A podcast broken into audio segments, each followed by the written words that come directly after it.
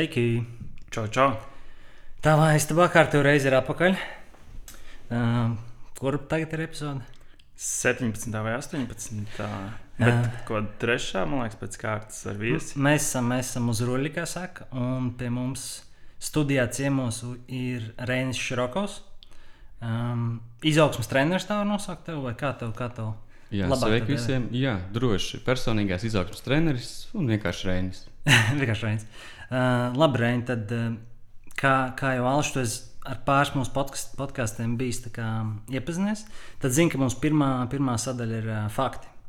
Un tad kā viņus parasti iesāk, Kristaps viņus iesāk. Jā. Vai jūs zinājāt? Labi, tā bija savādāk.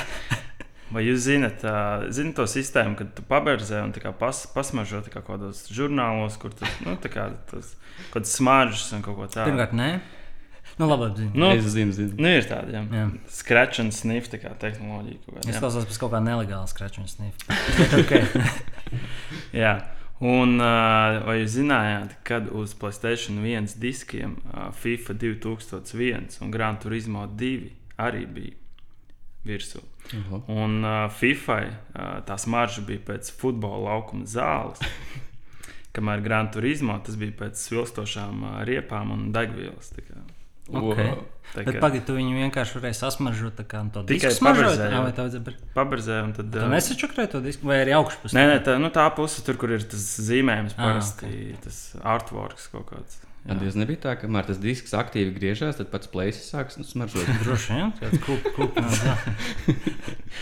Gran Turismo spēlē Reini.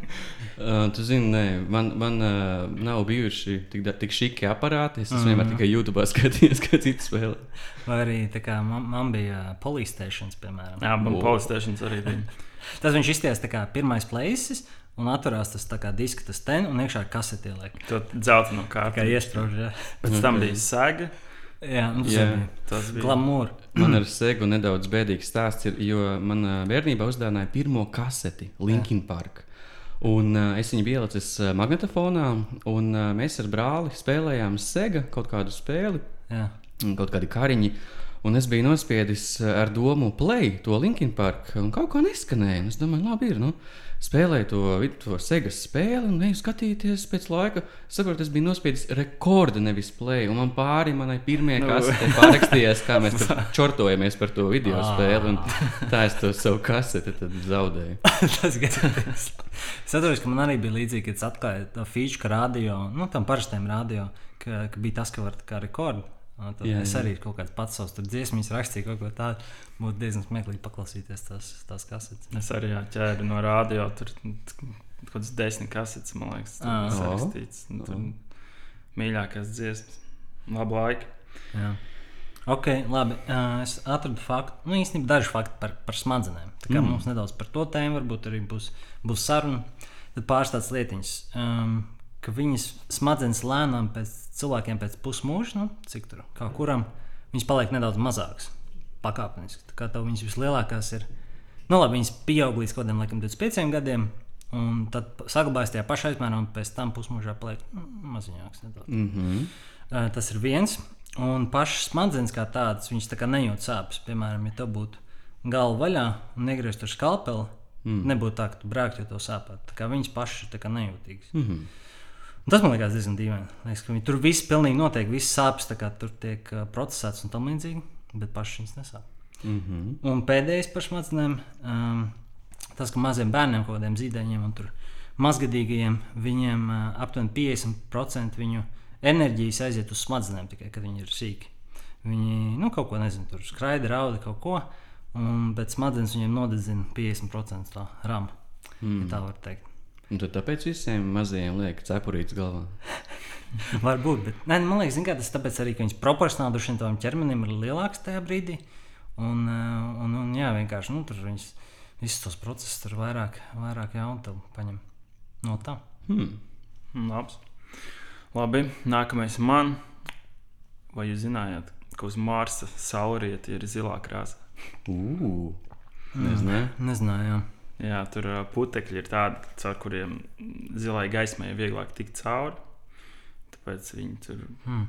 Tāpat arī uz Marsa debesis ir sarkanīgas. Nu, tā kā sanāk pretēji kā mums. ne? Uh, un, un, un tur arī nu, tas saistībā tieši ar tiem putekļiem un tām krāsām, kā viņas tur mijās. Nu, Mm. Tas ir interesanti. Bildes tur arī kaut kāds bija. Vai, vai reāls, vai uz. uz... Ir jā, tur nu, nav baigi labās kvalitātes, bet var redzēt to zilo krāsu. Būtu diezgan, diezgan krūti. To kādreiz gribētu aizlādēt. Nu, Ja tas paliktu mūsu dzīves laikā, tā pieejama. mm, laikam, ka nē, man šķiet, ka pat gan skaisti. Taču man ir viens tāds uh, bucket lists. Mm, noīrēt vai būt pasažierim reaktīvajā lidmašīnā.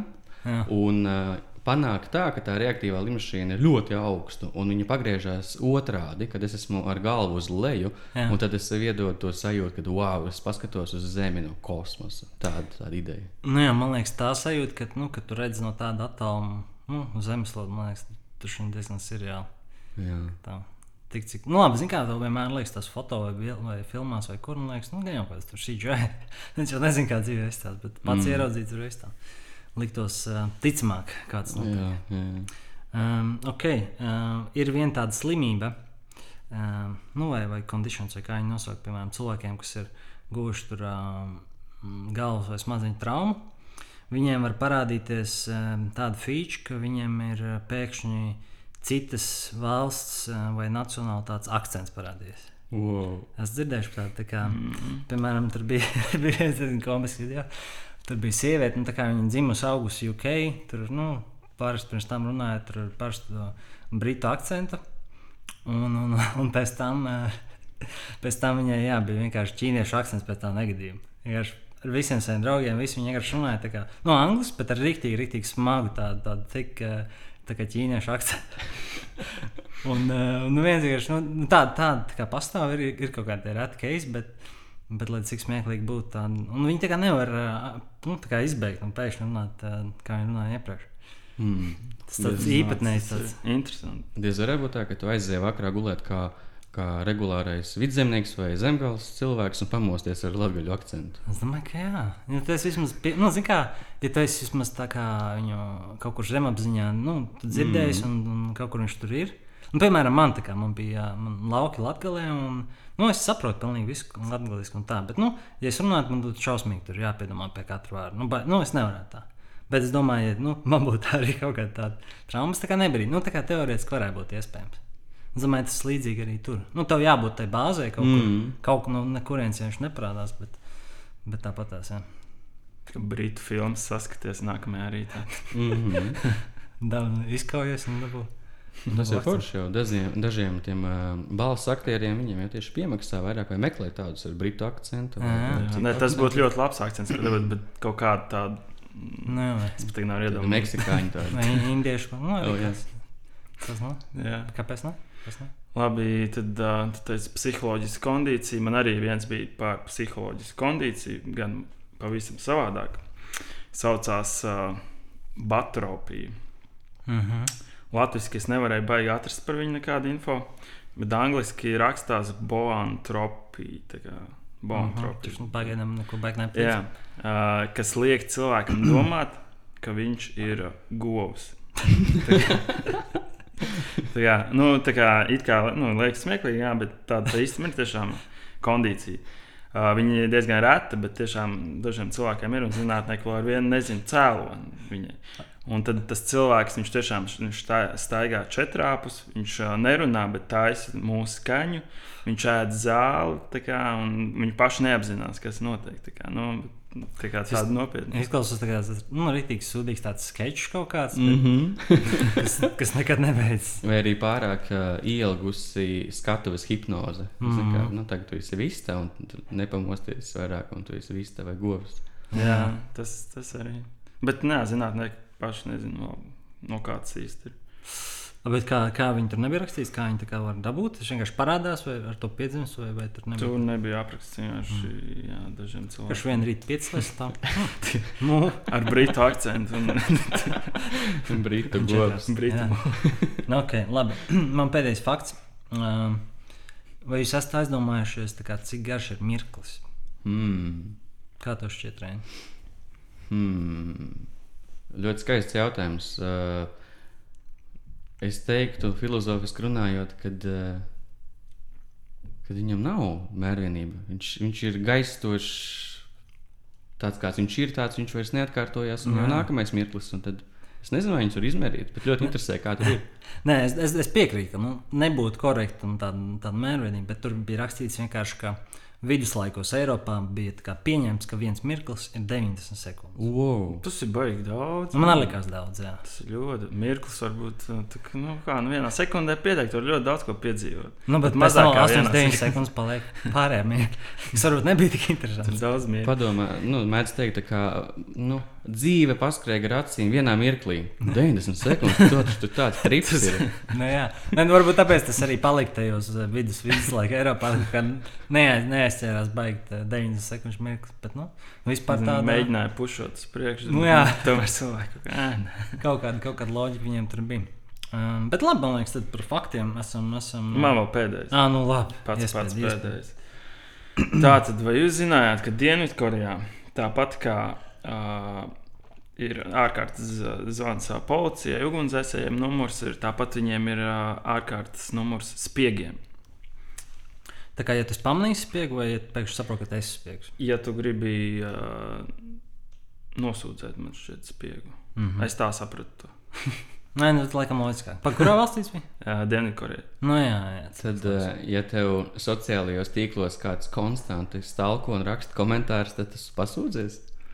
Es, Žēl, es, jā. jā, es to tā sapratu, bet īstenībā, tagad, ja tā padomā, tad tur, tur jāpa, jāuztais lielāks research. Jā, jā. Jā. Nē, nu viņi Tas gan- sliktos loģiski. Nu, tas jau droši vien viņi domā, nu, ka, nu, vairāk par to pašu viņi tur valsts to aparātu vai kāds tur, nezinu, Nu, nu, jā. grib tur kaut kādu revolūciju vai tur kaut ko iš, izšmaukt ārā. Es domāju, vairāk to par to viņi visi tur viens otru šūdz. Mm. Nu, tur es iedomājos kaut ko sliktu par, par viņu karali, ne, bet uh, diktatoru. Mm. Nu, tā. Nu, labi. Tagad gan jā, fakti. Beigšos. Mm. Ok, super. Nu, forši fakti. Paldies, paldies. Uh, labi, Reini, tad pievēršamies tev. Un kā visiem mūsu klausītājiem, uh, ne par viesiem, mēs uzdodam vienu pirmo jautājumu, kas ir īpatnējākā vai dīvainākā lieta tavā istabā. Nu, tā kā istabā, dzīvoklī, mājā vienalga. Mm, okay. uh, manā guļamistabā uz uh, plauktiņa stāv plaukstas izmēra koka krupis. Ar tādu kā raupju līniju uz muguras, un viņam mutē ir iebāzts puļķis, un to puļķi var izņemt ārā un braukt pa to muguru, un taisās krupjas skaņa. un, nu, tas ir dīvains priekšmets, jā. Nu, nu, nu, nu. Okay. Kā, kā, Kā tu viņu iegūsi? iegūst savā aizbildnībā? Um, es biju Japānā projektā, un mēs bijām vienā ciematā, pakājē milzīgam templim. Un uh, pakājē bija tirdziņš, un tajā tirdziņā mēs pastaigājāmies pa lietu, un es skatījos tādu dīvainu priekšmetu, un man parāda, ka viņš skan. Jā. Un, un es domāju, fenomenāli. Man patīk, viss, kas skan, un tas savā ziņā ir instruments. Jā. Un tad es uh, iegādājos, jo nu, man tas šķiet tāds nu, foršs priekšmets, nu, gana dīvains. Un, un, un viņš Nē, arī nu. skan. Tas ir kaut kas, kaut kas uniks vismaz. Jā. Nav kurā katrā istabā. Jā. Nu, labi, jā. Ok. Um, labi, tas kontrola jautājums ir izšauts. Tad varbūt, nezinu, vari pāris eh, teikumos vai vairāk pastāstīt, eh, ar ko tu, teiksim, ikdienā nodarbojies, kādi, kādi varbūt cilvēki pie tevis griež, un nu, par, par kaut kā to nedaudz vairāk. Jā, jā, labprāt. Uh, Es ikdienā daru divas lietas. Pirmā lieta ir, es vadu praktiskas konsultācijas, kuras palīdz cilvēkiem atbrīvoties no trauksmes, no bailes, no traucējušām izjūtām, piemēram, tāda kā saspiestības sajūta publiskajā transportā, iespējams, kaut kā tādas eh, fobijas. Un, un es viņiem palīdzu definēt ar jautājumiem, ar tādiem interesantiem uzdevumiem, kas pamaina domāšanu, emocijas un arī apziņu tā, lai viņi ierauga un atrod jaunus risinājumus, un lai viņiem pāris nedēļu vai pāris mēnešu laikā tas, kas viņiem traucē, paliek neitrāls vai pazūd. Nu, tā, tāds darbiņš. To es ikdienā daru jau um, sešus gadus, un uh, pamatā tās metodes ir coaching. Par coachingu man ir garš foršs stāsts, kā es viņu mācījos Šveicē. Un vēl es uh, izmācījos klāt uh, tādu lietu kā NLP, jeb uh, pagarinājumā tāds baiss nosaukums - neirolingvistiskā programmēšana. Jā. Un plus uh, vēl es divus gadus piemācījos klāt uh, hipnoterapiju. Jā. Un, uh, lai to visu vienkāršotu un, un varbūt teiktu, kā tur īstenībā ir, un tās visas ir tehnikas. Tāpat kā, nu, kā saka, aiziet pie fizioterapeita, un viņš tev saka, ah, ja tev velk kreiso plecu, tad uh, tev jādara tas, tā un tā mm. un tā. Un tad uh, šīs te tehnikas, jeb metodas, kuras esmu mācījies, arī ir tikai rīki. Un tad uh, cilvēks ļoti svarīgi, ja viņš pats grib mainīties, tikai tad ir iespējams izmainīt tādus traucējušus jautājumus, nu, kā tāpat ir trauksme, depresija, virziena skaidrība, dzīves prieks, harmonija. Un, un, un tas tāds foršs darbs, es to daru ar prieku. Un, un, un cilvēki nāk un iesaka citiem. Varu nu, priecīgi teikt, ka es esmu mm. atradzis savu aicinājumu. Mm, un otra lieta ir, es bieži vadu grupu seminārus, treniņus par personīgās izaugsmas tēmām. Nu, uzstādām mērķus, izzinām sevi, veicam grupas saliedēšanu, menedžējam stresu un laiku. Un, un tas viss man tā daba strādāt ir 20% teorija un 80% prakse, piedzīvojums, pašizziņa, tas kā mm. nu, journey, angļuiski sakot. Nu, jā, nu, tas ir tādas pamata lietas, ar kurām es ikdienā nodarbojos. Un, un, nu, jau, jau cik es sev atceros, no apzināta vecuma man ir milzīga mīlestība pret uh, psiholoģiju, pret dzīves lieliem jautājumiem, kas ir jēga, kas ir laime, ne. kas ir mīlestība. Un, um, uh, tāds, tāds uh, viens foršs šajā visā nu, būtībā fakts ir tāds, ka es pats jūtos mierīgi ikdienā. Nu, es tā salīdzinu sevi 16, 17 gadu vecumā. Es mēģinu justies labi nu, kādu reizi, divas dienas nedēļā. Un pārējā laikā man bija kaut kāda uztraukuma, paškritika. Es gribēju izlikties cilvēku priekšā, un es biju ļoti tāds, nu, skumjš. Un, un, un tad es sevi pats sāku strādāt un šīs metodes integrēt savā dzīvē. Un šodien es tiešām ar, ar tādu brīvu sirdi pavadu ikdienu mierīgi. Un mēnesī jūtos brīnišķīgi vai tā mierpilni. Nu, trīs ceturdaļas tiešām no tā mēneša. Kurā brīdī tu saprati, to aicinājumu tieši. Jā, tas uh... ir iesvēdīgs tāds jautājums. Kā tu atradi savu aicinājumu? Kur sākās tavs ceļš, dēls? uh, bija tā, kad, uh, kad es gāju skolā. Man ārkārtīgi besīja skola. Man besīja skolotāji, klase, pats sevi besīju. Uh, Man besīja arī mana ģimene, un uh, man 16 gadu vecumā izšķīrās vecāki. Un, uh, man bija kaut kāds tāds pasīvs-agresīvs iekšā, un es to izliku ārā uz apkārtējiem. Un es biju tāds kā miserable. Es pat meklēju nesen skaidrojumu, kā var latviskot. Nožēlojams. Jā, jā, jā, jā, tā bija. Man tas ļoti nepatika. Un tajā laikā man nebija dators, un bija parastais pogu telefons. Es jau savu čūskiņu biju atspēlējies. Tad uh, es paskatījos pēc skolas mājās, sēžot gultā uz grāmatu plauktu, un pēkšņi iekrita acīs grāmata. Kā piedot sev? Es domāju, kas tas ir? Tev vajag pastīšos. Sāku lasīt, un nevarēju apstāties. Un izlasīju to grāmatu, un pāris dienu laikā uh, iemācījos transformēt savas sajūtas. Un piedevu vecākiem, piedevu sev, lūdzu, atdošanu tiem, kuriem es tur esmu un čakarēju dzīvi. Uh, Un izdevās, es ļoti uzlaboju savu pašsajūtu. Nu, tāda dabīga, es sāku interesēties, what is this sorcery, kas tas mm -hmm. ir. Mhm. Un, nu, tad man teica, ka tā savā ziņā ir psiholoģija. Nu, cik es tajā vecumā varēju saprast, 16 gadu. Un tur man zina milzīga interese un kaisla par psiholoģiju. Nu, lūk, un, tā es sāku nu, iedziļināties tādās tēmās, kādu vēl grāmatu paņēmu. Bibliotēkā, tad es sāku arī, zinu, kā ir, kad kaut ko krūtu atrodi, tu gribi vēl mm. citiem to rītīgi pateikt. Un tad dabīgi, ka es biju mazais uh, mācītājs, un es gāju ģimenē un pie draugiem un teicu, jums visiem jāpiedod, jums ir psiholoģija, ir tā kā viss, visas atbildes ir psiholoģija. Un, protams, ko es saņēmu? Nu, pretestību. Un tad es sapratu, ka es neko īsti nezinu, nu, kad varbūt jāmācās vēl. Un tad, uh, jā, un tad es uh, padziļināti sāku to tālāk apgūt caur YouTube, caur Erasmus, Plus projektiem, uh mhm. -huh. caur treniņu kursiem, caur nometnēm, caur pašanalīzi, caur dziļām sarunām ar foršiem cilvēkiem. Um, droši vien tajā laikā es būtu podkāstus klausījies, un, un, un, taču tajā laikā es to nedarīju. Uh -huh.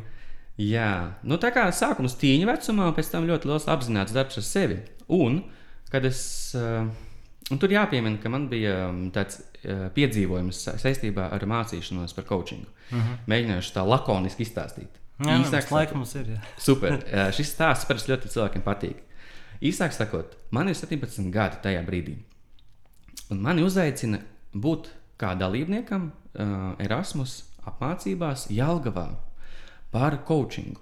Es vispār nezinu, kas tas ir, taču man mīļa paziņa, uh, Kristīna Kode un Alise Raupe, un, un uzaicināja. Un, uh, jā, es esmu septiņas dienas uh, internacionālās mācībās, un uh, BEMS mums parāda metodi, kā var palīdzēt otram cilvēkam atrast risinājumu vai ļoti uzlabot problēmu, uzdodot tikai vienīgi jautājumus. Man 17 gados tā bija revolūcija. Mm. Kā tas iespējams? Un man tas diezgan labi padevās. To man teica citi. Nu, protams, es priecīgs un domāju, nu, kā vēl šo attīstīt. Un tad es prasīju pēc tam septiņām dienām trenerim no Ungārijas. Viņu sauc Ārons. Es saku, Āron, man baigi patīk tas coachings. Es gribu vēl mācīties, ko tu iesaki. Viņš saka, nu, nezinu. Nu, man ir tāds uh, skolotājs Šveicē, uh, Pīters Zabo. Varbūt uzrakst viņam e-pastu, pajautā, nezinu, varbūt iedos kādu grāmatu. Es uh, pierakstu e-pastu, uzrakstu viņam. Tāds jauns džeks no Latvijas. Sveiks, Pīter, es biju pie tā nu, apmācāmā Ārona. Man fascinē coachings. Es tā gribu vēl mācīties. Saki, lūdzu, ir kādas iespējas man? Nākošais dienā atnāk e-pasts no Šveices, no Pītera Zābo. Man jau kājas tādas. Taisnā no šeit. Jā, pat taisno. Visu, visu smaržo pēc šveices, nezinu, šokolādes. Milks. Un, uh, un e-pastā rakstīts, sveiks, Reini. Liels prieks redzēt par tevi interesi par coachingu. Man te ir labas ziņas. Mums 2014. gadā, septembrī, sāksies jauna grupa, uh, kurā mēs apmācīsim jaunos kočus, uh, akreditēta skola, augsts līmenis. Un, un šoreiz pat atlaide. Šoreiz cena tikai 6000 eiro. Kā jums šķiet, kā es jutos tajā brīdī? Nē, jā, tāds ir kā tāds. Palielināt summu. Nu, Palielināt summu. Es, es ārkārtīgi sabēdājos. Domāju, nu, lūk, man vienīgā nu, tāda iespēja šo mācīties ir tā kā čau. Es biju pētījis, ko piedāvā psiholoģijas uh, kursi un, un, un, un Tā bija izglītība. tad 11. 12. klases. kas tāds? Kaut kas tāds, jā. Septiņas, Jā, jā, jā. jā, jā tā varētu būt taisnība. Un uh, nu, es biju bēdīgs. Un tomēr nākošajā dienā es saņēmu sevi rokās un uzrakstīju viņam atbildi. Paldies, Pīter, par atbildi. Es ļoti novērtēju. Nu, ir tāda situācija, ka man tādas naudas nav. Es dzīvoju Latvijā, Jālgavā. Vidēja alga te ir apmēram tāda. un, uh, taču man ir milzīgi interese mācīties. Man tas patīk, padodas, es gribētu attīstīties. Nu, varbūt ir vēl kāda iespēja. Cerībā, ka viņš man varbūt ieteiks kādu e-grāmatu vai nezinu, YouTube video. Mm. Nu, nosūta miers un dievs. Nākošais dienā ir atbilde. Atveru, lasa. Eh, Dārgais trēni, paldies tev par ziņu. Es tiešām redzu tavu vēlmi mācīties. Un uh, man te ir piedāvājums, un es tev gribu panākt pretī. Variants tāds. Brauc pie mums uz Šveici mācīties, es tev naudu neprasīšu. Tev viss, kas jāapmaksā, ir ceļa izdevumi no Latvijas uz Šveici. Es biju starā. Izklausās nājas. Jo deviņu mēnešu laikā tas nozīmē, ka man būtu trīs reizes uz Šveici jāizlido un jāsamaksā tad, nu, ceļojuma biļetes. Mm. Un es braucu 17 gados uz Šveici, mācījos. Un, zin, kā, es domāju, nu, es, aiz, nu, es braucu, un es domāju, "A, kur es dzīvošu. Šveicē tā kā ūdens pudeli maksāja tajā laikā 5, 5 nu, eiro. Vai, mm. jā. Un uh, es uzprasīju, nu, kurš varētu dzīvot. Nu, beigās dzīvoju pie tā sava skolotāja, pie tā sava grandmastera un viņa ģimenes. Un, uh, tā nu, es tur devos un mācījos. Un tas man deva lielu, lielu uh, nu, pārliecību tajā, nu, tajā, kas ir iespējams. Un, uh, kad es atgriezos un izmācījos tos kursus vairāk kārt, un um, par to sāku runāt Facebook, mani sāka aicināt vadīt grupas jaunatnes lietu speciālistiem Jēlgavā. Viņi teica, o, tu mācījies to coaching, parādi mums, kas tas ir.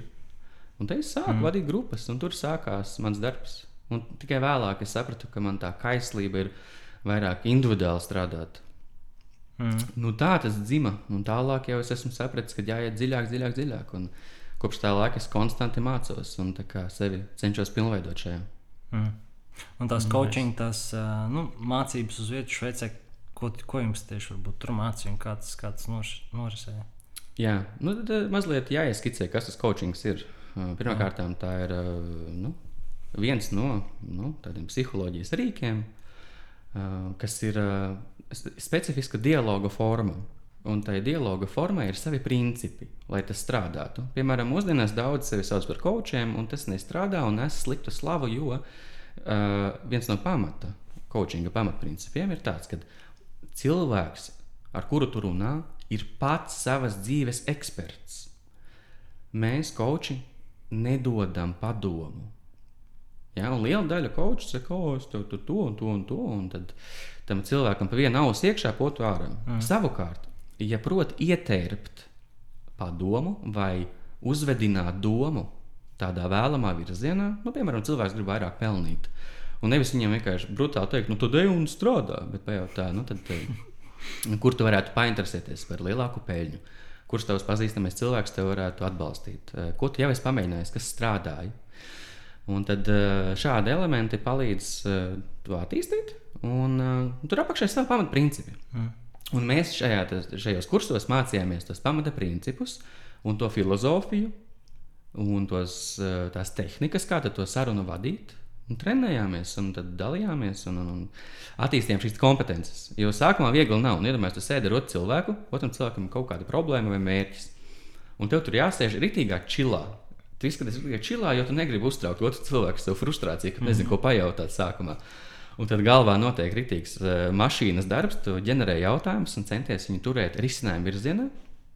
Un otrs cilvēks tikmēr ļaujās jautājumu procesam. Viņam ir savs iekšējs tāds kā ceļojums. Nu, lūk, un šo visu mēs mācījāmies un slīpējām, jo nu, tas prasa laiku, lai to attīstītu. Tāpat kā braukt ar riteni. Un tomēr es uzskatu, ka tā ir tāda kompetence, nu, kas ļoti nodara darbā ar cilvēkiem. Ir tā, ir jāieskicē, ka situācija ar coachingu, manuprāt, un no tā, ko es redzu apkārt, ir sekojoša. Par cik šī metode kļuva populāra un attīstījās 80. gados Kanādā un Krievijā, viņa īsti nekad netika iekļauta formālā izglītībā. Un līdz ar to saradās visādas uh, tautu skolas, kas redz, o, tā lieta strādā, uz to varētu nopelnīt. Mm. Bet ir tā, ka blakus ciemā viņi piedāvā supercoachingu. Hmm, mums jābūt oriģināliem. Mēs piedāvāsim ultra-teta coachingu. Un tad cits kaimiņš redz, tā man būs spirituālais nākošās dzīves coachings. Un šajā procesā viņi izlaiž pamata principus, pamata ētiku, un uh, bieži vien uh, radās un radās nekompetenti speciālisti, kas, diemžēl, šo skaisto domāšanas veidu un, un sarunas prasmi ir padarījuši trulu. Un tāpēc tagad um, coachings, manuprāt, jau kā prestiža profesija jau ir nu, jau izmirusi. Jau. Mm. Taču pati metodika un filozofija un tas doma virziens ir ārkārtīgi vērtīgs. Jebkurš, kurš strādā ar cilvēkiem, nu, es ieteiktu šo prasmi praktiski attīstīt. Praktiski. Mm. Jo teorētiski tas tā. Tu ieteiktu to tā kā uh, iet uz profesionāliem kursiem, protams, to attīstīt. Nevis, piemēram, jo YouTube noteikti arī pilns ar visādiem lessons. Tur gan jau arī ir tie tie- Tur ir, tie Tur arī rodas tie. Jā, jā, jā. Es ieteiktu, jā, praktiskiem profesionāliem kursiem, taču arī klausīties vairāk atsauksmēs no cilvēkiem, kas tajos jau ir bijuši. Nevis reklāmā. Jo reklāmā mm. teiks, ka tas ir teta, giber, tiper coachings. Un īstenībā varbūt uh, tur ir vairāk nu, virspusība nekā prakse. Tātad, lai šādas prasmes attīstītu, ir ļoti vajag praksēties. Mm. A, Ko, ko tie, teiksim, ko teica lielākā daļa, kas mūsdienās tā, nu, vairs nav īsti tajā oriģinālajā kočingā, ko viņi varbūt dara tur nepareizi. Nu. Kas tās pamuļķībām, ko viņi tur māca un stāsta, vai nu, ko tu redzi, piemēram, kāds atšķirās. Un tu jau tikko pa- lietoji pareizus vārdus. Viņi māca un stāsta. Jā. Ja tev uh, jau būtu, nu, kad cilvēkam ir problēma vai mērķis, viņš dabīgi jau pats par to sāk interesēties. Mm. Viņš meklē informāciju. Līdz ar to viņam jau ir gana daudz idejas, teorijas, informācijas. Un, un, un, uh, ja viņš iet pie koča, tad ir jāsaprot tās lomas specifika. Tas kočs palīdz strādāt ar to, kas tev jau ir. Un radīt skaidrību, plānu, uh, secību, jaunus challenges, un uh, radīt vidi, kurā tas cilvēks jūtas droši, forši, motivēts. Uh, jo koča uzdevums ir virzīt cilvēku, kāpēc tas izdosies, kāpēc tas varētu strādāt. Mm. Nevis Ah, tu gribi peldīt, nu, vecīt, tas ir reāls. Pasties uz sevi. Ja? Nu, Tas tā kā nebūtu, mm. nebūtu ētiski, un ļoti daudz tādu ir. Uh, tie, kas dod ekspertīzi un padomu, to sauc par mentoriem. Mentors pēc definīcijas ir pieredzējušāks cilvēks tev interesējošā jomā, un, uh, kurš var iedot vajadzīgās zināšanas, un praksi un piemēru. Un tad ir maza leģenda, kur radās vārds mentors, kad uh, Herkulesam esot piedzimis dēls.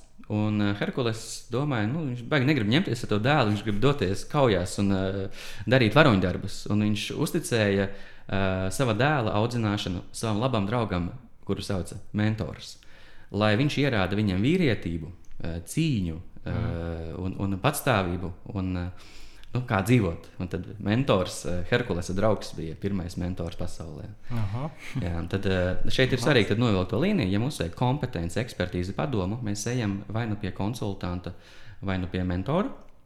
Ja mums vajag atbalsta sistēmu, um, uzvedinošus jautājumus, lai mēs paši ar sevi labāk tiktu galā, tad mēs varam iet pie koča, kas strādā vairāk apziņas līmenī.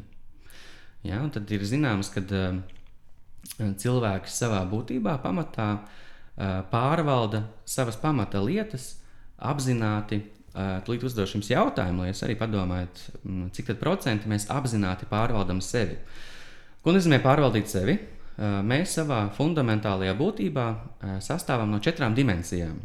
Pirmā - domas, otrā - jūtas, jeb emocijas, nu, jūtas un emocijas, mm. atvainojos. Trešais - ķermenis, un ceturtais - enerģijas. Domas nozīmē tas, ko es domāju, kas notiek manā galvā. Emocijas nozīmē, kā es reaģēju uz apkārtni, kā es reaģēju uz pasauli. Jūtas nozīmē, kas manī, kāda attieksme manī dzīvo ilgāk par to. Ķermenis nozīmē tas, ko es sevī lieku iekšā, kā es atpūšos, kā es sevi kustinu. Un enerģijas nozīmē, kas man ir apkārt, kādā vidē es atrodos. Nu, piemēram, Rīgas centrā ir viena enerģija, un uh, Latvijā pie ezera ir cita enerģija. Mm. Uh, kā jums šķiet, cik procentuāli cilvēks apzināti pārvalda šīs četras dimensijas? Mm. Jā, ka ļoti maz droši vien. Mm. Es domāju, cilvēks neaizdomājas, ka tādas eksistē parasti Es cilvēki. teiktu, procentuāli 10%. Mm -hmm. Es pat teiktu, kaut kādi pieci. Jā, tev, tev, tev taisnība, tie ir 5% vidēji. Un ā, tātad 95% ir ā, neapzināti. Un mani novērojumi ir tādi, ka tad, kad mēs strādājam ar cilvēku šādi sarunu līmenī, kad viņš ir ļoti gatavs reaģēt. Mm -hmm. Prāts ir ļoti aktīvs. Viņš strādā, manuprāt, bija beta frekvence smadzeņu tādos viļņos. Mēs tiekam apmēram pie 5%. Jā, ir iespējams tikt arī dziļāk, kad runa ir par šādu sarunu ar jautājumiem un tādu klātesamību. Mm -hmm. Un savukārt, ja gribās tikt dziļāk, tad ir vajadzīgs izmainīt apziņas stāvokli, ja pamainīt tās frekvences. Ja, lai mēs tiktu pie tiem 95%. Tāpēc ar laiku es sapratu, ka es vēlos palīdzēt dziļāk un vairāk, un es pievērsos NLP un arī hipnoterapijai. Mhm. Un uh, par to hipnoterapiju, teiksim, nu, viss kaut kāda ir dzirdēta. Nu, tur labas lietas, sliktas lietas. Kas ir varbūt tas, ar ko nu, reāli kam viņi palīdz, un, un vai viņi visiem palīdz, un nu, kā, kā ar to? Mm -hmm. Labs jautājums. Man ļoti patīk uh, laust šo te stereotipu un izskaidrot vienkāršiem vārdiem. Tātad uh, paņemsim šo vārdu hipnoterapija un sadalīsim uz pusēm. Hipno, jeb hipnoze, nozīmē mainīts apziņas stāvoklis, kad smadzenes strādā teta frekvencē, kad cilvēks ir ietekmējamāks. Un kas ir mm. interesanti, piemēram, cilvēks, mēs, ieslēdzot televizoru, ieslīgstam diezgan dziļā teta frekvencē 60 sekundžu laikā. Hmm. Mēs ieejam transa stāvoklī, kas ir tātad uh, hipnozes viens no pamatelementiem - 60 sekundēs. Vēl to var panākt ar daudz dažādiem paņēmieniem, ko tad māca šiem speciālistiem. Un, uh, ko nozīmē tātad, tā ir hipnoze, ko nozīmē terapija? Terapija nozīmē strādāt otra cilvēka labā, priekš viņa mērķa. Piemēram, cilvēks atnāk un saka, ka man ir trauksmaina sajūta darbā. Un es, es esmu salasījis grāmatas, esmu gājis uz kursiem, esmu lasījis grā... nu, tur tādu, to, to, to, to, un es netieku ar to galā. Jo reaģējošais prāts, viņš ir dikti, nu, tāds aktīvs, viņš neļauj tik dziļāk pie saknes. Un tad hipnoterapeita uzdevums ir panākt, ka cilvēks, kurš ir ieinteresēts, tikai cilvēks, kurš ir ieinteresēts sev palīdzēt, uh, ir suģestējams Suģestējams nozīmē ietekmējams. Jeb Mhm. viņ, viņš tā kā var ļauties ieslīgt tajā teta stāvoklī, tajā transa stāvoklī. Kas ir vēl interesants fakts, ka mēs iekrītam mikrotransā katru 0,02 sekundes simtaļu. Trans ir cilvēka dabīgs eh, stāvoklis. Un, uh, līdz ar to tad, tad, tās hipnoterapijas, jeb NL, arī NLP mērķis ir um, ieinteresētu klientu aicināt pamainīt savu apziņas stāvokli un vadīt viņu caur dažādām metodēm un procesiem, lai caur simboliem, sajūtām, tēliem un metaforām sāktu notikt izmaiņas. Nu, piemēram, cilvēks saka, viņam ir tā pati trauksme darbā. Un tad uh, hipnoterapeits viņam varētu prasīt, nu, uh, pastāstiet, vai arī uzzīmē, kā izskatās tev trauksme. Sākumā var likties, kas tas ko tu man gribi. Un tomēr cilvēks pievēr acis, viņam atnāk ideja, viņš uzzīmē, piemēram, melnu apli. Okay? Un tad mēs ejam tālāk, tad aiztaisīs acis un meklē, kādu sajūtu tev ir vajadzīga tās trauksmes vietā, vai kādu sajūtu vēlēsies. Un atnāk metāfora par ūdenskritumu kādam, piemēram. Okay, varbūt uzzīmēt ūdenskritumu. Un tur jau notiek tāds kā iekšējs darbs, caur tiem simboliem, caur tām sajūtām. Tas nav tik ra nu, racionāli, kā mēs gribētu. Aiziet, kā saka, pie ģimenes ārsta vai farmācija, pasakot, man ir trauksme, tie dos tableti. Mm. Jā, tas varbūt main, mazinās simptomus, taču ļoti reti tas arī izsina cēloņus. Nu, lūk, un tad tā, tā, tā hipnoterapija nu, ir tas, tas eh, palīdzēt otram, kurš to grib, izmainīt apziņas stāvokli. Nu, un hipnoze ir tas izmainītais apziņas stāvoklis. Un, uh, tas, ko mēs redzam YouTube vai dažādos šovos, kur cilvēki kļūst uh, par joku pēteriem un, un tā un šitādi, bieži vien tas ir iestudēts. Un, kad tas nav iestudēts, uh, tie šaumeņi strādā ar konkrētu grupu no auditorijas. 10% no sabiedrības ir vieglāk ietekmējami, mm. un viņi pirms sauc uz skatuves ar asistentiem nočeko, kuri cilvēki signalizē ar ķermeņa valodu, kad viņiem ir tā suģestija. Mm -hmm. Viņi izmanto visādus tādus trikus. Nu, lūk, un, uh, redz, uh, šeit var mazliet svarīgi sajust un saprast, ka uh, nu, ne katrs ir uh, tik ļoti nu, ietekmējams un, un, un hipnotizējams. Un, tas nav tik viegli. Un, un tie, kas to dara pret mūsu piekrišanu, tie tātad nodarbojās ar negatīvu manipulāciju. Un savukārt tie, kuri iet pie speciālista vai terapeita, hipnoterapeita, tie tiek informēti, kas notiek, kāpēc notiek. Un mm. tur ir vairāk tāda kā neitrāla manipulācija, varbūt pat pozitīva manipulācija, jo tiek strādāts cilvēku labā.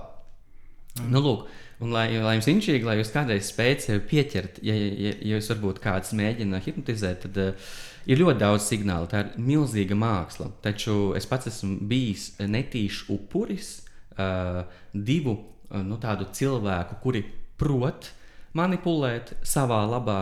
Nu, esmu bijis pieredzējis to, un uh, kā es zinu, ka es biju upuris, jo es to esmu mācījies. Un tad es izjūtu šo savu apziņas stāvokļa maiņu, Un tā nebija mana iniciatīva. Es to pamanīju dēļ diviem dažādiem cilvēkiem, divās dažādās dzīves situācijās. Un ka es biju pikts, ka es domāju, viņš tam vajadzētu bietē sadot. Kāda, bija viņa motivācija? tās, kas notika pastāstā? Um, Vai tas nav īsti stāstāts? tas ir diezgan personīgi. Taču, Nē, nē, jā, um, labi. es pateikšu, ko viņi darīja. Um, viņi stāstīja uh, savu stāstāmo par kādu tēmu. Un uh, nemanot, pārgāja uz ļoti mono, monotīvu toni, kurš liekas garlaicīgs un repetitīvs. Un tad mm. lieto specifiskus vārdus, kas atkārto un nogurdina apziņu. Un uh, tad to dara apmēram pusminūti, minūti, un jau cilvēks var aizpeldēt. Un tajā brīdī viņš jau suģistējamāks. Vēl viena lieta ir uh, atkārtotas kustības. Uh, tas varbūt stereotips ar to pulksteni, bet uh, mazliet mulsina apziņu uh, un acu kustības, ja viņas pamana, ka cilvēks viņam šķirsta grāmatā lapuses. Vai viņš viņam regulāri pieskarās brīļu rāmim ar rādītāju pirkstu. Tie ir tādi mazi elementi, kas kā, paņem uzmanību projām, un tie vārdi, ko viņš saka, tiek iekšā. Mm. Nu, lūk, um, protams, uh, ir vēl daudz uh, sarežģītāk, jo ar mums manipulē nepārtraukti reklāmas. Nepārtraukti. Uh, ļoti spēcīgi ir attīstīta mūsdienās tāda lieta, kas saucās uh, neiromārketings. Tādas korporācijas, kuras grib ietaupīt un nopelnīt nu, maksimāli daudz, viņi iegulda miljardus pētījumos, kā manipulēt ar cilvēkiem. Mm. Un kas ir spocīgi, kad uh, ir grāmatas, kas to atmasko, taču Amerikā nav likumi, kas to aizliedz bieži vien. Mm. Un tāpēc ir svarīgi sevi pilnveidot un pamanīt, kas ar mani notiek, lai mēs spējam reaģēt un vajadzības gadījumā aizsargāties. Mm. Varbūt arī pastāstīt, kas ir tās izplatītākās problēmas, ar ko, piemēram, nāk pie tevis tieši uh, uz hipnozi, vai arī tas pats jautājums arī par uh, coachingu. Varbūt tās populārākās tieši. Nu, gan jau katrs ir tāds individuāls, bet nu ir kaut kādas tās galvenās tās kopā nu, kas ir visizplatītākās, ko varbūt ar ko visbiežāk nāk pie tevis cilvēki. Ārstēt ar hipnozi. Jā, es uh, pastāstīšu, kā, kā cilvēki vēršas pie manis. Jo speciālisti ir dažādi un ir speciāls nišas. Kāds vairāk specializējas uz atkarībām, kāds vairāk uz attiecībām, kāds vairāk uz posttraumatisko stresu. Man ir tā, ka es ļoti apzināti esmu izvēlējies ceļu, lai strādātu ar klientiem, nevis pacientiem. Vai es gribu zināt atšķirību? Uh -huh. uh, no Latvijas Amerikas, uh, Latvijas, ne, bija Latīņu valodas. Latīņu valodas, no, jā, no Argentīnas. No Argentīnas. Uh, no Latīņu valodas esot tā, ka uh, vārds pacients nozīmē cilvēks, kuram sāp. Un uh, savukārt klients ir cilvēks, kurš grib nākt mācīties. Liela atšķirība. Mm. Un, uh, es apzināti izvēlos strādāt ar klientiem. Pirmkārt, jo es neesmu ārsts, man nav medicīniskā izglītība. Un otrām kārtām uh, ir milzīga atšķirība sadarbībā un tajos rezultātos, kas ir iespējami. Pie manis nāk cilvēki, kas kā, laicīgi grib parūpēties par savu labklājību, viņi jūt, ka ar kaut ko netiek galā paši. Um, un tad viņi nāk pie manis dažādos jautājumos. Un tie jautājumi ir tādi. Um, bieži vien Tas ir par pašvērtējumu. Bērnībā, jaunībā vecāki ir konstanti skalojuši smadzenes, ka tu neesi gana gudrs, neesi gana smuks, neesi gana foršs, neesi gana apģērbīgs. Un uh, rodas nu, milzīgas iekšēji tādi bloki, traumas, kas traucē kvalitatīvi justies. Cilvēks ir ar augstāku izglītību. Simts reizes sevi pārbaudījis, taču darbā viņam ir bail pateikt savu viedokli kolēģim. Mm. Ja viņš grib tikt vaļā no šī bloka, tad viņš nāk pie manis. Nu, bieži vien te, te ir runa vairāk par NLP vai arī šo hipnoterapiju. Bieži vien nāk cilvēki, kuri vienkārši vēlās mērķu skaidrību. Man ir tā, ka 9 no 10 klientiem parasti ir sievietes. Un nāk arī džeki. Džekiem gan arī visiem kā viens ir tāds. Es gribu saprast, ko man iesākt ar manu nākotni. Es gribu saprast, kur man virzīties. Un, manuprāt, tas ir ārkārtīgi skaisti, jo uh, nu, no maniem novērojumiem, uh, vīrietis ar savu uh, vīziju un savu mērķu skaidrību ir gatavs iet cauri liesmām un ērkšķiem, un viņš tādējādi aug. Savukārt, dāmas nāk bieži vien, kad viņām ir traucējušas sajūtas. Iespējams, tā ir grūtības atvērties partnerim mīlestībā. Iespējams, tas ir uh, fobija, jeb uztraukums uh, runāt skatuves, nu, tad uz mm. skatuves. Dažreiz tas ir um, um, problēmas ar emocionālu ēšanu. Jā, piemēram, kādreiz bija tā, ka uh, nu, mazums ir bijusi šķiršanās, un ir uh, bijis uh, nu, ļoti tajā brīdī skumji. Un nu, sanāca pastiet roku, nu, to saldējumu vai to čipsu uzēst, un uh, palika uz piecām minūtēm, bet tā nu, bija labāk, vieglāk. Un uh, pēc nedēļas sabrāts priekšnieks virsū. Nu, ko darīs? Nu, sabrēcis, aizies padomāt, paņem līdzi pauzē nu, savu pusdienas viesmēzi. Apēd, hei, paliek bišķi labāk. Nākošo reizi uh, ir uh, lieli stresi un zemapziņa, ja mūsu 95% redz, o, oh, ir stresi. Kas mums palīdz? Kas mums palīdz, lai paliek labāk? Pagaidiet, tur taču tas ēdiens bija. Hei, aizej varbūt uz bodi, nopērc eklēru. Nezinu, kāpēc cilvēks mm. aiziet uz bodi, nopērk eklēru un apēd. Un šādi tas patērns var attīstīties. Un tad cilvēks ir ļoti apzinīgs. Viņš saprot, bāc, es negribu pārēsties vai, nezinu, tur iet dzert vai uh, darīt sev pāri katru reizi, kad ir stress. Taču tas zemapziņas mehānisms, viņš nesaprot, kāpēc tu gribi čakarēties Normāla funkcija tev ir stress un ēd. Ja? Zemapziņā ir tāda īpašība, ka viņi nešķiro labs vai slikts. Viņi skatās, kas strādā, kamēr nav kaut kas labāks. Tāpēc šeit es jums varu tādu atgādināt uh, lietu, ja jums gribas ar sevi dikti strādāt, sevi pilnveidot un mainīt, tad tas labais un pareizais tonis ir nevis kaut ko sevī dzēst ārā, nevis kaut ko raut ārā, bet aizvietot vai pilnveidot ar kaut ko labāku. Mm. Un tie ir tāds teiciens, nevis uh, nu, atmest smēķēšanu, bet kļūt par bijušo smēķētāju. Vai vēl labāk, nevis es gribu izvesļot, nu, es gribu izvesļoties, doktor, un doktors saka, varbūt tu vēlies būt vesels, veselīgs cilvēks. Mm. Un šeit ir kā mēs sevi pozicionējam. Jā. Jā. Un kā tev šķiet, cik, cik teiksim, no tiem desmit cilvēkiem viņiem, nu, pēc varbūt sesijām vai darba ar tevi, viņiem, nu, sanāk tik pār tām problēmām un lietām, vai nu, tur ir droši vien daudz dažādu faktoru, kas to ietekmē, patraucē, bet, nu, es, jā, kā tur apmēram.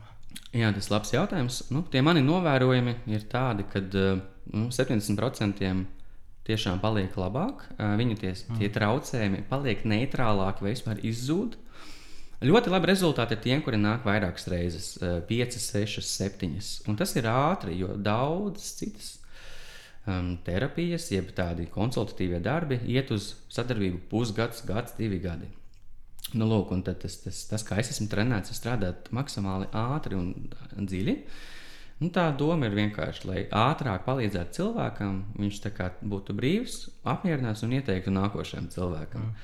Um, un ļoti bieži gadās, kad cilvēks atnāk uz vienu um, tikšanās reizi, un viņam, pieņemsim, problēma ir trīs gadus.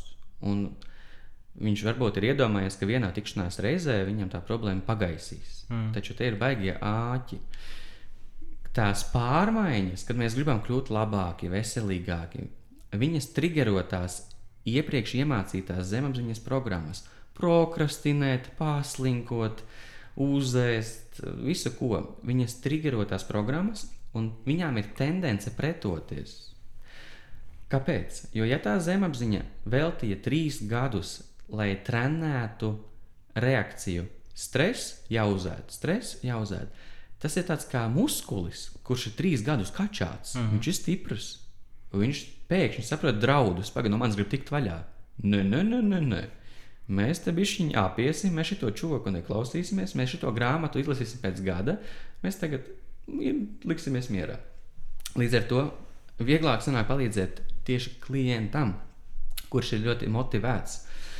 Un bieži vien tāds viens jautājums īstenībā nozīmē arī nu, pamainīt savu dzīvi kopumā. Dažreiz tas ir darba grafika maiņa. Cilvēkam varbūt ir uh, veģetīva distonija, un viņš strādā pa naktīm. Hormoni neatjaunojās, viņš neizguļās, viņš uh, švakri ēd, un viņš grib pēkšņi kļūt mierpilnāks cilvēks. Nu, visticamāk, ka tas nakts režīms viņam ir jāpamaina uz dienas režīmu. Tāpēc tas ir uh, liels darbs, tas ir skaists darbs, jo tomēr, kad tie cilvēki uzraksta pēc tam pāris konsultācijām, vai viņi satiec pēc laika, saka paldies cilvēcīgu, Tu mm. man palīdzēji, man tagad ir labāk, es jūtos brīvāk. Es, es pat neatceros, ar ko es pie tevis strādāju. Tas ir ļoti brīnišķīgi mm. sajūta. Kā, kādas varbūt ir um, nu, cilvēkiem, varbūt, kas negriežas pie tevis, bet vispārīgi ir kaut kādas fundamentālas lietas, ko viņiem ieteikt? Nu, labi, tur varbūt tur sportot, tur kaut ko tur nospraust mērķus. Nu, kaut kādas tādas galv galvenās sadaļas ir tev, tā, ko tu iedomājies? Jā, jā, jā. Es, par cik es pats esmu daudz strādājis, es tīri labi apzinos, ka informācija ir baigi daudz. Mm. Viedokļi ir vairāk nekā vajag, un, un viss, ir, viss ir tā. Um, nu, pirmais punkts. Ja mūs uztrauc mūsu pašsajūta, tad ir jautājums, kur tā pašsajūta atrodas? Ārā, dzīvoklī, nezinu, darbā uz ielas vai man iekšā? Kur ir pašsajūta? Nu, iekšā. Iekšēji, mm -hmm. Tad pirmais tāds, nu, tēze ir pārstāt tik daudz meklēt ārā, paaugstinājums darbā, labāka mīlestības dzīve, krūtāks vāģis, tā un tā, un varbūt sākt vairāk ieklausīties sev iekšēji, nu, meklēt iekšēji. Tas ir viens. Otrais, pietiek, ja mēs vienlaicīgi kaut vai pusgadu vai gadu kačājam sevī vienu lietu. Mums ir tendence uztraukties par savu dzīves aicinājumu, par manu identitāti pasaulē, par dzīves jēgu, par uh, sapņu māju, par ceļojumu. Nu, mēs uztraucamies par daudzām mm. lietām vienlaicīgi. Tas nav produktīvi. Cilvēks vienlaicīgi produktīvi spēj pievērsties un strādāt vienai, maksimums divām, trīs lietām. Maksimums. Un uh, šeit es iedrošinu to paturēt prātā. Uh, jo ir ok, ja tu pusgadu strādā ar savām bailēm. Ir ok, ja tu gadu risini, uh, kā būt atvērtākam attiecībās. Tas ir ok.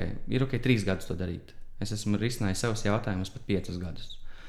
Un pēc tam tā sajūta ir ļoti apbalvojoša. Un pat aizmirstās, ka tas ir bijis.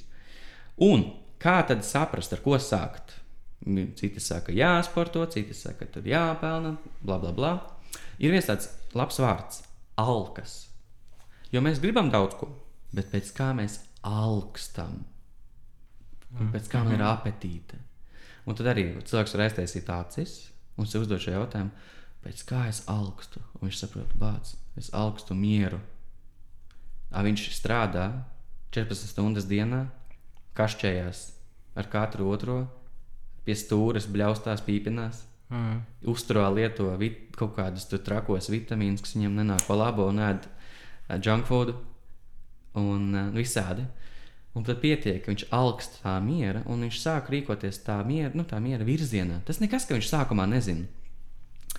Te ir, un tad uh, noslēdzošais tāds, tāds vēl punktiņš pie tiem ieteikumiem. Ir rīktīgi čili, ka mēs nezinām, ko darīt. Rīktīgi čili.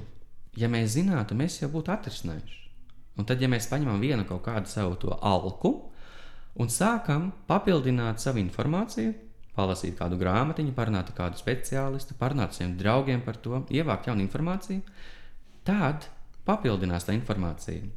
Jo tādā grāmatā Hārvs Ekers, miljonāra prāta noslēpumi, forša tēze bija teikta. Ja tu esi iesprūdis kaut kur, tas nozīmē tikai vienu. Tu kaut ko šobrīd nezini. Un te ir tāda maza alegorija, nu, iedomājies, jauns cilvēks, ir piekdiena, sestdiena. Viņš izdomā, varētu forši pavadīt vakaru. Viņa prāts momentā meklē tādā kā dokumentu kastē folderi. Piektdienas, sestdienas vakars, ko darīt? Oh, viņš parakņājas pa to folderi, izvelk mapīti. Redz, jā, jā, viņš redz, oh, klubs, piezvanīt tam, satikt to, aiziet padējot tur, koncerts tur. Folderis ir iespējams pilns, un veikt izvēli ir chill. Viņš ieliek folderu, viņš veids izvēli. Nākošajā dienā, nu vai kaut kad vēlāk, viņš izdomā, bāc, gribētos uzlabot savu pašsajūtu. Prāts aiziet pie tā paša dokumentu skāpja, rakņājas pa folderiem, atrod mapīti, kā uzlabot dzīvi, atrod to folderi, un tur ir puf, putekļi. Varbūt skolā nemācīja, vecāki varbūt nemācīja, pats nav mācījies. Tad jautājums, ko darīt ar to folderu džeki? Un kaut ko jāpiepilda. Kaut kas tur jāliek iekšā. Jā. Tāpēc ir ļoti ok, ka mēs nezinām, ko darīt. Jā. Ļoti ok. Uh, ja mēs zinātu, būtu pat garlaicīgi. Bet uh, ir tā, ka arī daudz cilvēku varbūt dzīves laikā arī baigi neatrod, ko viņi grib darīt. Vai viņi neatrod tāpēc, ka viņi nemeklē, vai, vai kā būtu. Jā, protams, protams. Un, uh, tur ir uh, ļoti komplicēti, jo var gadīties tā, ka bērnībā iedod tik spēcīgas zemapziņas programmas, kuras visu dzīvi liedz sev ticēt un uzdrīkstēties. Un tas ir ļoti, ļoti.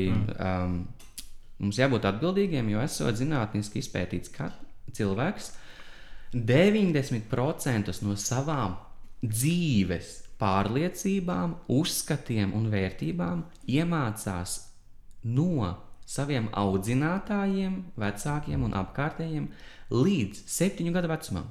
Wow. 90% no pārliecībām līdz 7 gadu vecumam.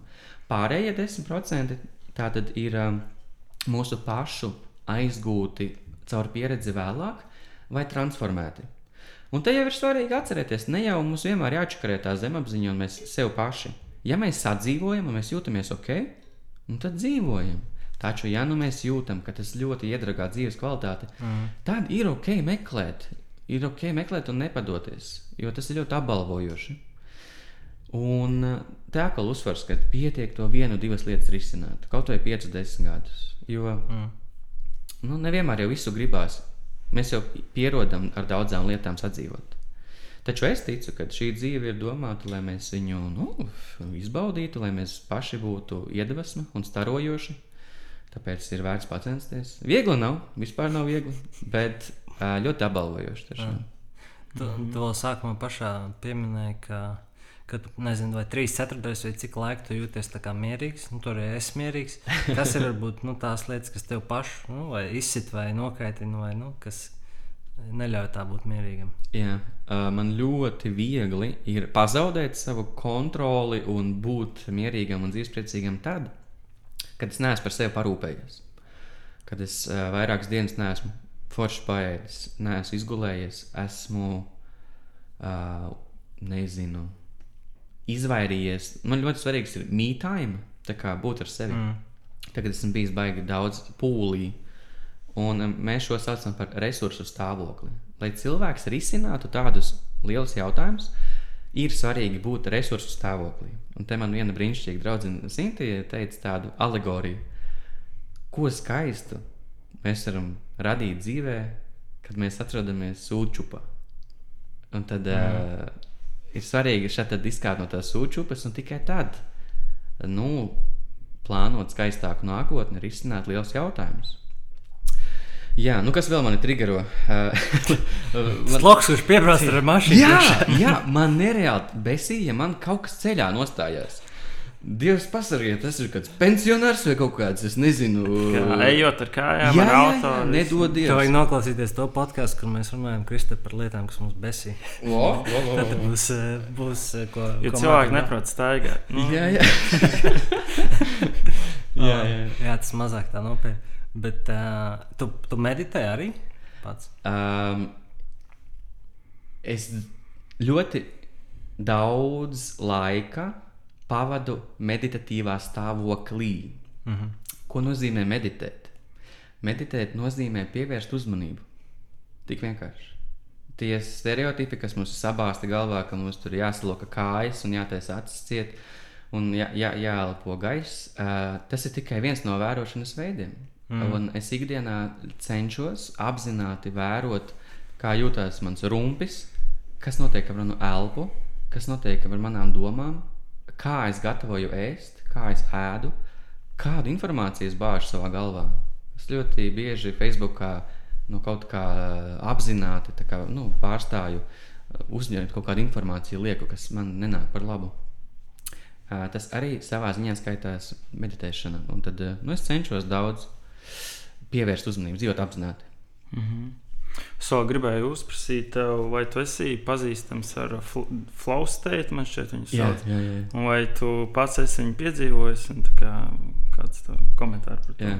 Uh, man šķiet, state ir ļoti skaists. Uh, tev kā mūziķim, uh, es ticu, ka viņš ir pazīstams. Jā, viņš ir, jā. Mārtiņš, varbūt tev arī ir. Uh, nē, viņš man Kristaps vienā podkāstā pieminēja, tā es nebiju baigi dzirdēt. Bet nē, nu, es, Jā. es esmu kādreiz uz šiem bijis, ka es kaut kādu uz, uzdevumu fokusējos, bet uh, es nebiju to tā nu, nodefinējis. Jā, jā. Uh, flow state uh, man šķiet ļoti, ļoti skaista lieta. Un uh, es viņā esmu, tā, kad es konsultēju cilvēkus. Kaut kas manī notiek, kad uh, saslēdzās, kad es esmu maksimāli klātesošs. Manas domas, sejas izteiksme, žesti uh, notiek paši, un es varu izbaudīt to procesu. Un laiks pazūd. Jā, laiks pazūd. Jā, jā, jā. Mm. Vēl es uh, daudz braucu ar, ar moci. Man uh, mm. liela meditācija un flow states ir uh, braukt uh, pa meža ceļiem ar moci. Un tur es arī jā. ķeru kaifu, uh, ķeru flow state. Jā. Mm. Jā. Tu, tu arī visu kaut kādas, pa laikam pieminēji grāmatas, teiksim, ir kaut kādas dažas, nezinu, pāris vai trīs vai četras, kas, nu, ko tu ieteiktu katram cilvēkam izlasīt. Nu, gan par mm. -hmm. šo tēmu, gan um, jeb, jebkādīgi. Jā, jā, jā. Uh, es esmu ārkārtīgi izvēlīgs grāmatu ziņā. Uh, es esmu izlasījis dzīves laikā kaut kādas 35 grāmatas tikai. Jā.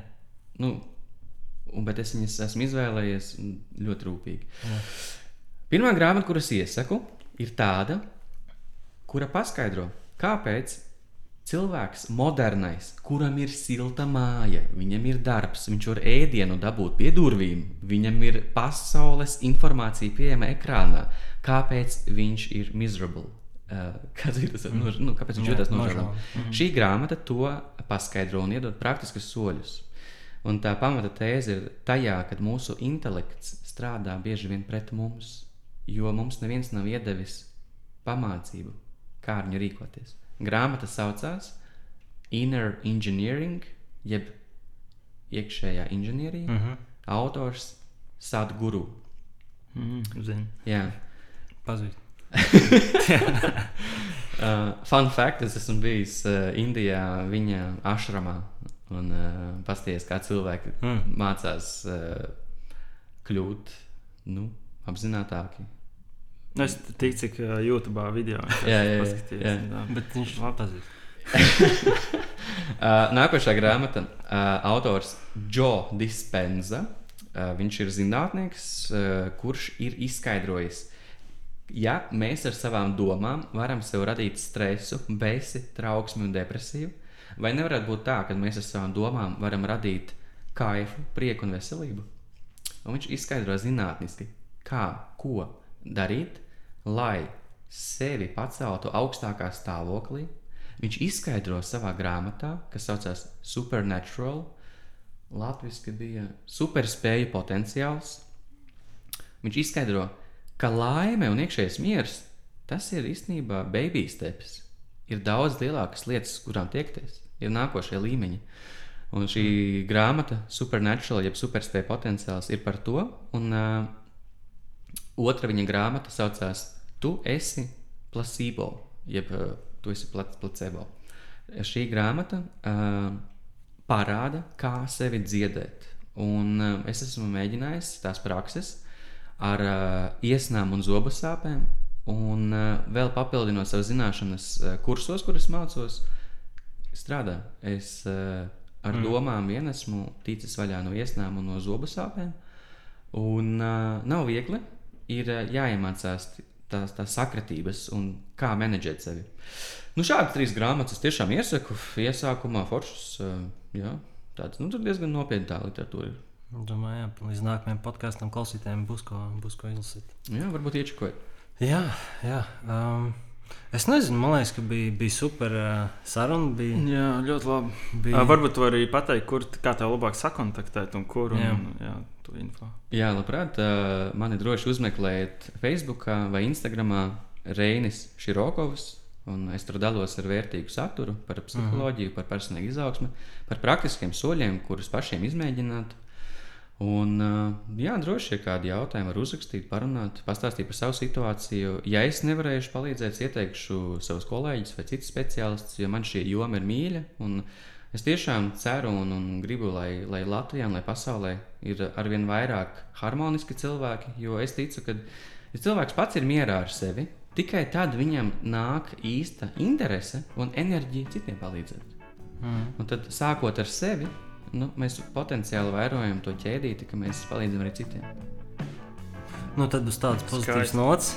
Uh, un paldies, Reini, ka paviesojies pie mums. Paldies jums, bija liels gods un, un bija patīkami. Tā kā paldies jums, Džek. Labi, tad līdz nākamajam. Čau! Tā.